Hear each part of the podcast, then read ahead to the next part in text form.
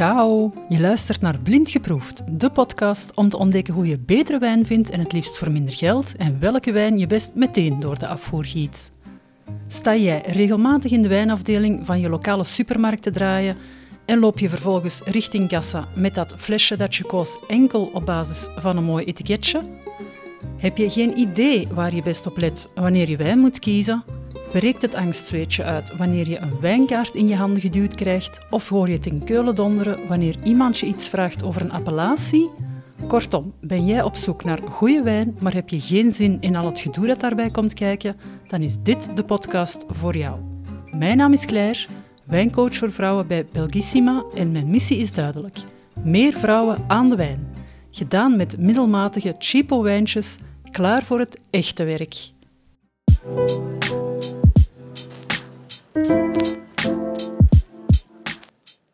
Hallo en welkom in de tweede aflevering van Blind Geproefd. Vandaag wou ik het hebben over de minimumprijs die je voor een fles wijn moet neertellen, wil je een beetje kwaliteit in je glas hebben. Want een vraag die ik regelmatig krijg is: is een fles van 50 euro 10 keer beter dan een van 5 euro? Het korte antwoord daarop is nee, maar het echte antwoord is een pak genuanceerder. Want in veel supermarkten vind je zonder veel probleem een fles wijn voor 3 of 4 euro, maar in een wijnwinkel daarentegen kan die prijs makkelijk oplopen tot 100 euro of meer.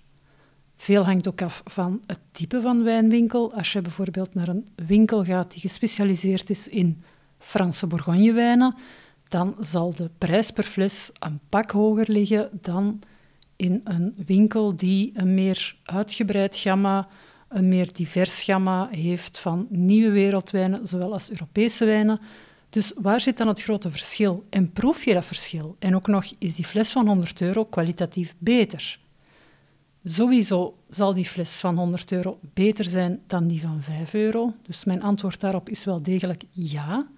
Maar dat heeft niet te maken met smaak of met subjectieve criteria, maar alles met objectieve criteria en dus ook met de kost van de productie. Want net zoals met alle dingen heeft wijn maken een minimumkost, een minimumprijs. Met andere woorden, hoeveel de grondstoffen en de arbeidskost samen kosten. Dus de prijs voordat er winst wordt gemaakt of zelfs nog maar overheadkosten worden doorgerekend.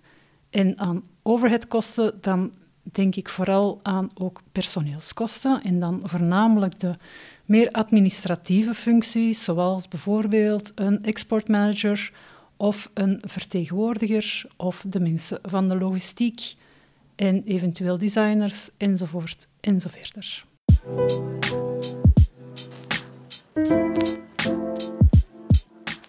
Nu, in de supermarkt vind je zonder veel problemen flesjes voor 3,5 of 4 euro of zelfs een euro meer. En laten we die prijs eens nemen als absoluut minimum. En voor die prijs moet er veel gebeuren en moet er ook al veel betaald worden. Er moeten druiven geteeld worden.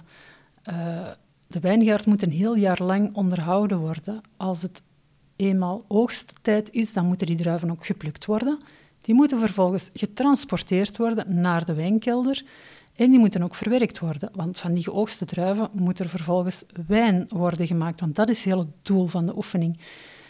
En om van druivensap wijn te worden, moet die wijn een hoop fysieke en chemische processen ondergaan. En wanneer dat die dan uiteindelijk klaar is, moet die ook nog eens in glazen flessen gebotteld worden. Want het is allemaal leuk en aardig dat je daar als wijnproducent uh, hectoliters en hectoliters in inox vaten hebt staan van wijn, maar natuurlijk, die moet bij jou geraken. Die moet bij jou op de tafel geraken om kunnen gedronken te worden. Die fles moet ook nog eens gelabeld worden. Die labels moeten ontworpen worden door iemand. En vervolgens moet die ook geëxporteerd worden naar bijvoorbeeld jouw plaatselijke supermarkt. Naar de Delijs, naar de Colruyt, de Albert Heijn enzovoort. Dus iedereen die dat in dat proces betrokken is, moet zijn geld verdienen, wil een deel van de koek en wil op het einde van de maand ook zijn huis kunnen afbetalen. Dus de prijs van een fles wijn wordt bepaald door enkele vaste kostenposten, zoals onder andere het materiaal en de productiekost, uh, het glas voor de wijnflessen, De labels, die moeten ook ontworpen worden, die moeten vervolgens gedrukt worden, die moeten op de flessen gekleefd worden. Arbeidskosten, um, niet onbelangrijk, zeker niet in wijn, want natuurlijk kan je voor de pluk, voor de oogst, seizoensarbeiders inschakelen. Dat is niet het type werk waar dat je hele hoge scholing voor moet hebben. Daarentegen, de mensen die dat heel het jaar door voor de wijngaard zelf zorgen, de, de eunologen en de vinologen, die uh, hebben wel een, een, zekere training nodig. Dat zijn meestal mensen die dat naar de uh, wijnacademie zijn geweest en die dat ook uh, veel lessen in, in, of veel opleidingen in biologie en chemische processen hebben gehad. En hun functie is heel belangrijk. Dus het is ook echt belangrijk om goede mensen te kunnen aannemen. En die hebben natuurlijk hun prijs. Daarna komt er ook nog logistieke kost, alle transport, ook de capaciteit. En niet te vergeten, eens dat die ons land gaan binnenkomen, ook nog eens accijnzen en belastingen op de wijn, op alcohol en tot slot nog de distributiekosten om in jouw lokale supermarkt te geraken. Vergeet ook niet dat wij in ons land ook nog eens 21% btw betalen op de werkelijke prijs.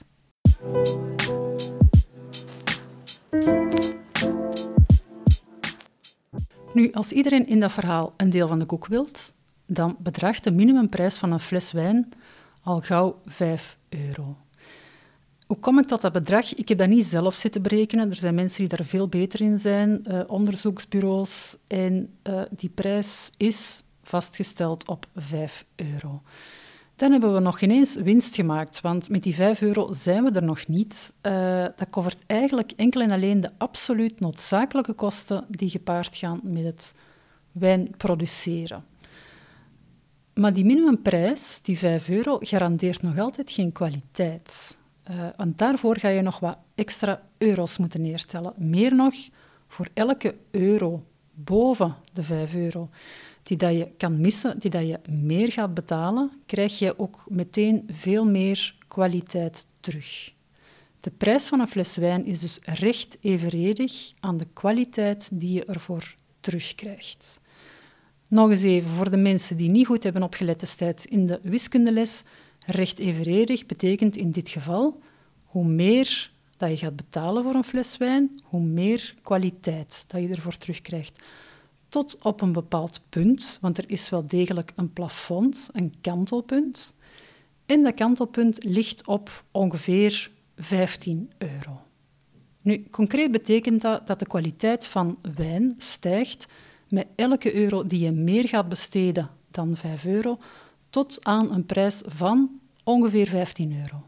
Dus alles boven de 15 euro gaat vooral over smaak, over subjectieve criteria, over voorkeur en ook heel sterk over vraag en aanbod, dus schaarste. Uh, en dat gaat dan over de wetten van de markt. Wijnen die heel erg gegeerd zijn, kunnen aan hogere prijzen verkocht worden dan wijnen waar er veel van voorradig is. Concreet voorbeeld, Bourgonjewijnen zijn zeer gegeerd, niet alleen in Europa, maar ook de Chinese markt is daar bijzonder op gebrand. Dus in heel veel gevallen van bekende châteaus zijn die wijnen al, bij wijze van spreken, verkocht, nog voordat de druiven geoogst zijn.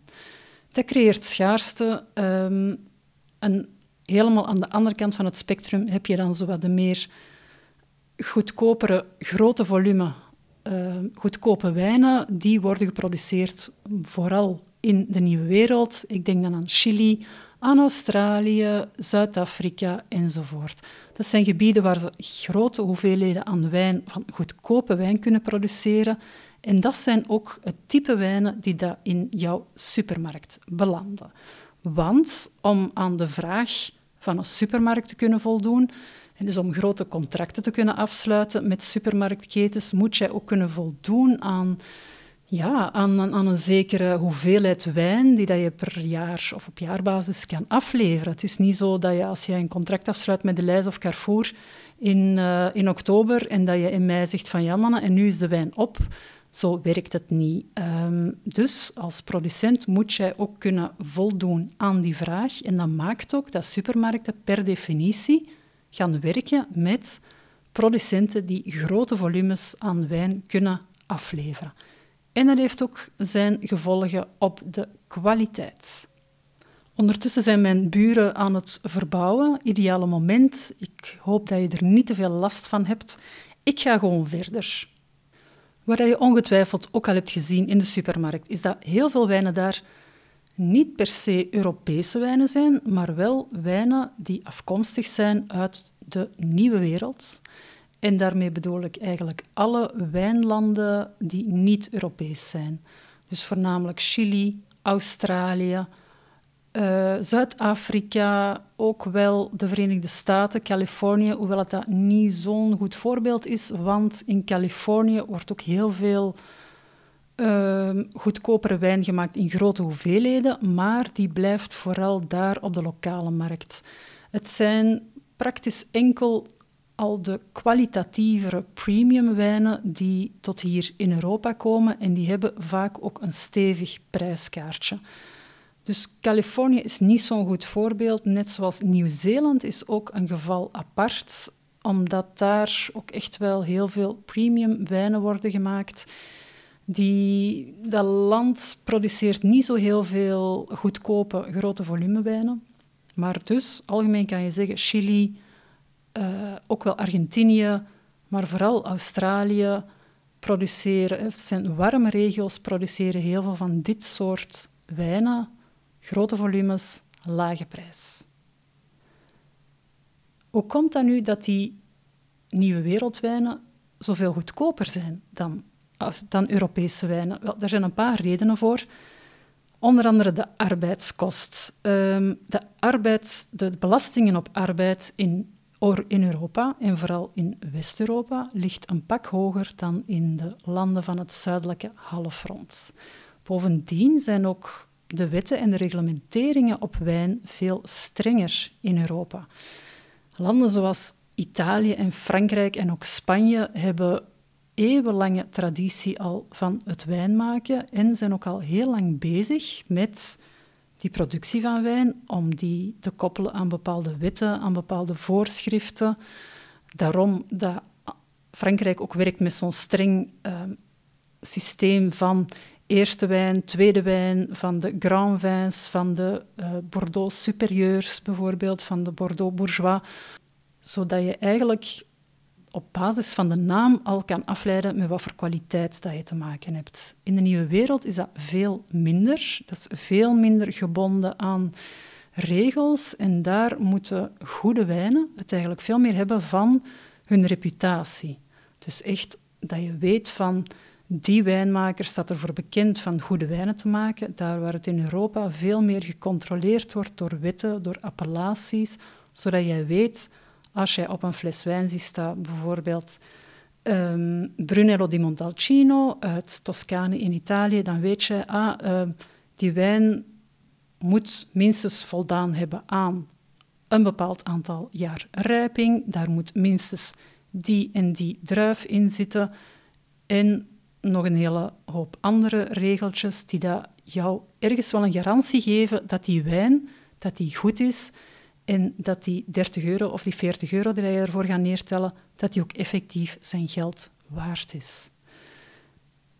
Elke regio in Europa heeft ook wel haar eigen wetten en eisen en dat maakt ook dat de minimumprijs per regio ook onderling kan verschillen. Voor een Italiaanse wijn bijvoorbeeld een topappellatie. Ik zei het al, Brunello di Montalcino, maar dat kan ook zijn uh, Barolo of Franciacorta wijnen uit het noorden. Enfin, er zijn een hele hoop um, echt wel duurdere topwijnen, topappellaties in Italië. En daar ligt de absolute minimumprijs voor de productie al gauw op geen 4 of 5 euro, maar op 8 of 12 euro. En je begrijpt dat die dan niet kan verkocht worden aan 5 euro dan ga je toch al meteen met prijzen zitten die dat je als, als klant in de winkel gaat betalen voor 20 of 25 of 30 euro. Nu, in de nieuwe wereld zijn die wetten veel minder streng en is ook bovendien ook geen onbelangrijke factor, het klimaat veel stabieler.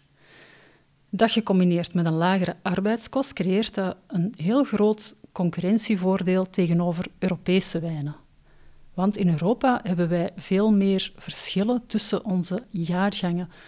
Je kan je ook herinneren, sommige, bijvoorbeeld de zomer van 2022 uh, eh, begon heel goed, maar is heel nat geworden.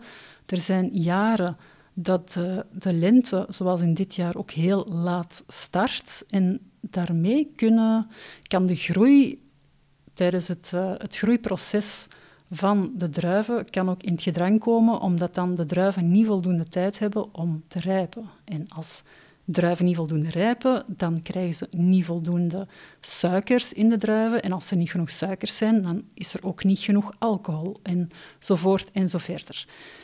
Dus bijvoorbeeld een extra lange winter of een hagelstorm op het einde van de zomer, dat kan echt voor een abominabele oogst zorgen. Of een koude of natte zomer, verantwoordelijk voor onrijp fruit. Vandaar dat in sommige, en dan vooral koelere regio's, de jaargangen van zo'n groot belang zijn.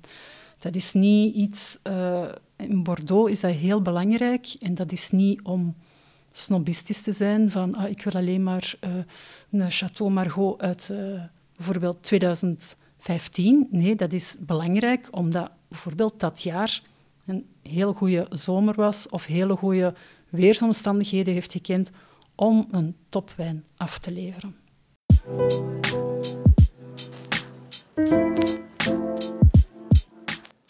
In landen zoals Chili, Australië en Zuid-Afrika hebben ze daar veel minder last van. Daar is het klimaat jaar op jaar veel stabieler. Daar heb je niet meteen uh, zomers die plots 10 graden koeler zijn dan andere jaren. En vandaar dat ze ook garant kunnen staan voor grote hoeveelheden eenvoudige en goedkope wijn. Ook wel eens de high volume, inexpensive wines genoemd. Dus ideaal voor die strenge onderhandelingen met supermarktketens aan te gaan. En om de prijzen nog verder te drukken, wordt wijn soms ook in bulk getransporteerd. Dat kan via uh, schepen, scheepscontainers zijn of via tankwagens. En worden die pas in het land van bestemming, in ons geval in België of in Nederland, gebotteld. Zeker dat type wijnen uh, is zeer eenvoudig, overstijgt meestal niet het niveau van de tafelwijntjes en heeft zeer weinig finesse of complexiteit. Je kunt ze ook herkennen aan heel vaak aan zo de leukere etiketjes die je in een hele reeks terugvindt, bijvoorbeeld met allemaal verschillende diertjes op of uh, verschillende bloemen. Heel vaak zijn het, zijn het reeksen van wijnen met verschillende druivensoorten, maar soms staat er ook gewoon witte wijn uit Frankrijk op en meer niets. En dan heb je er maar het raden naar wat er eigenlijk effectief in de fles zit. Goedkope wijn moet ook inboeten op bepaalde aspecten. Je kunt ook niet verwachten van een wijn met een productiekost van 3 euro dat hij dezelfde kwaliteit gaat bieden als eentje van 13 euro. En waar zit het verschil dan echt? Er zijn een paar dingen om rekening mee te houden. Duurzamere wijnbouw heet ook wel geïntegreerde wijnbouw en biologische wijnbouw en zelfs biodynamische wijnbouw is zeer arbeidsintensief en vraagt ook voor hogeschoolde en dus ook dure arbeidskrachten. Het, is veel, het vraagt veel meer onderhoud in de wijngaard. Er kruipen veel meer manuren in om dat allemaal te onderhouden. Dus ook hoe goedkoper de wijn, hoe meer chemische bestrijdingsmiddelen er kunnen gebruikt worden om ziektes en schimmels tegen te gaan. Want dat is een pak goedkoper dan dat je dat op natuurlijke wijze, op duurzame manier moet gaan doen. En een groot deel van die chemicaliën die worden gebruikt, bestaan ook uit sulfieten. En sulfieten, dat is nu het stofje dat, uh, ja, dat heel veel mensen, waar heel veel mensen gevoelig voor zijn, die ook hoofdpijn creëren. Dus dat is iets waar je het liefst zo weinig mogelijk van binnenkrijgt. Nu, die duurzame wijnbouw, dat vraagt veel meer inzicht en hoogopgeleide enologen die gedurende heel het jaar door hun ding moeten doen in de wijngaard. Die, uh, wat ook heel belangrijk is in die, in die duurzame wijnbouw, en dat is wel iets heel tof, dat zijn um, dat is het gebruik van natuurlijke vijanden van de gevaarlijke insecten en, uh, en microben, bijvoorbeeld bladluizen. Die natuurlijke vijanden worden dan ingezet in de wijngaard om met respect voor de natuur de oogst te beschermen. En wat moet je er dan bij voorstellen? Dat zijn vliegende insecten voornamelijk. Uh, en dat zijn vlinders of liegeheersbeestjes. En die maken natuurlijk deel uit van de food chain en alles wat daaronder zit. Dus kleinere insecten, microben, bladluizen enzovoort, dat eten die op. Dus dat is een heel natuurvriendelijke manier om om te gaan uh, met met, uh, in de wijnbouw. Um, en dus kort door de bocht kun je stellen dat goedkope wijn meer sulfieten bevat en minder natuurlijk ook is dan wijn waar meer budget ging naar duurzame, maar dus ook tijdrovende wijnbouw. Het is veel makkelijker en goedkoper om op tijd en stond chemicaliën te sproeien, maar dat heeft wel degelijk zijn gevolgen en niet in het laatst voor je gezondheid.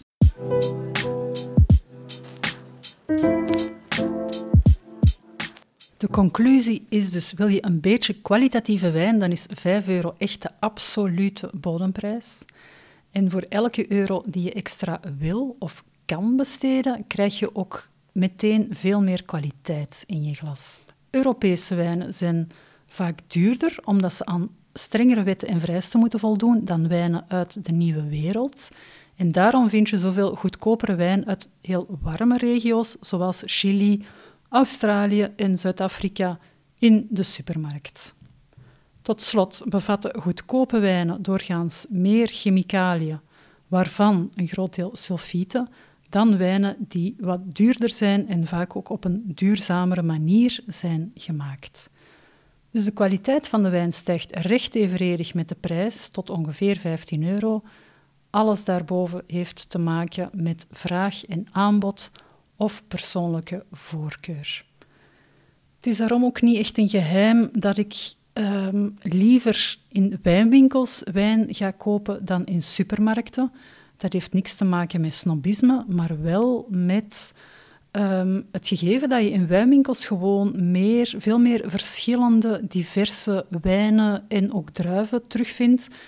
Vaak ook van kleinere producenten, want zoals ik heb uitgelegd, die kleinere producenten die kunnen vaak niet voldoen aan die grote vraag van die supermarktketens en zijn dus al per definitie veroordeeld, om het slecht te zeggen, tot een distributie van een kleinere, kleiner systeem, van kleinere wijnhandels, waar dat zij wel uh, enkel bijvoorbeeld 500 flessen per jaar aan kunnen verkopen en waar ze er geen 5000 of 50.000 aan moeten verkopen.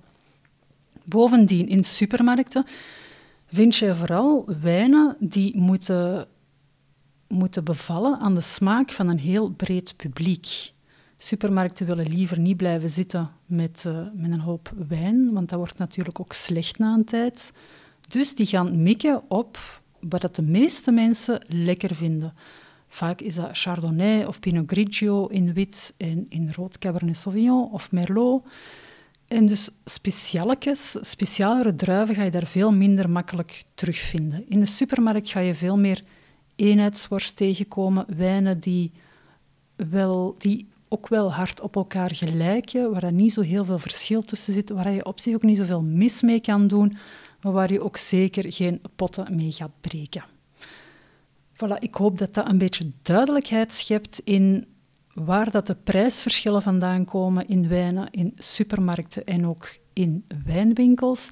En waar dat, waar dat die prijzen ook vandaan komen. En dat je nu ook beter begrijpt dat goedkope wijn misschien niet altijd de beste optie is. En als je wil gaan voor meer kwaliteit, dat je dan misschien een flesje minder moet drinken, maar wat meer wilt investeren in de fles die je dan uiteindelijk wel gaat drinken, in plaats van twee wat goedkopere flesjes wijn. Maar daarmee doe je natuurlijk zelf helemaal wat je wil. Voilà, dat was de tweede aflevering van Blind Geproefd. Merci om te luisteren. Ik eh, noteer ook in de show notes de belangrijkste uh, links en highlights van deze aflevering. En dan hoor ik jou hopelijk terug in de volgende aflevering. Bye bye.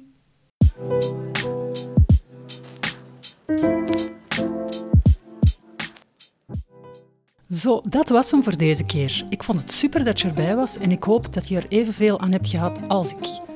Heb je de smaak te pakken en wil je je nog verder onderdompelen in wijn? Volg dan de podcastshow Blind Geproefd. Die vind je terug op Spotify en Apple Podcasts. Wist je dat je ook heel makkelijk een review kan achterlaten over deze podcast? Ga naar de podcast-app waarmee je deze podcast beluistert en klik op Reviews. Laat bijvoorbeeld 5 sterren achter of schrijf ook een eigen review als je wat extra inspiratie hebt. Daar zou je me een ontzettend groot plezier mee doen, want op die manier kunnen meer luisteraars en wijnliefhebbers me makkelijker terugvinden. Mis geen enkele aflevering en abonneer je helemaal gratis op de Blindgeproefd podcastshow. Dat doe je door op de knop subscribe of follow te klikken.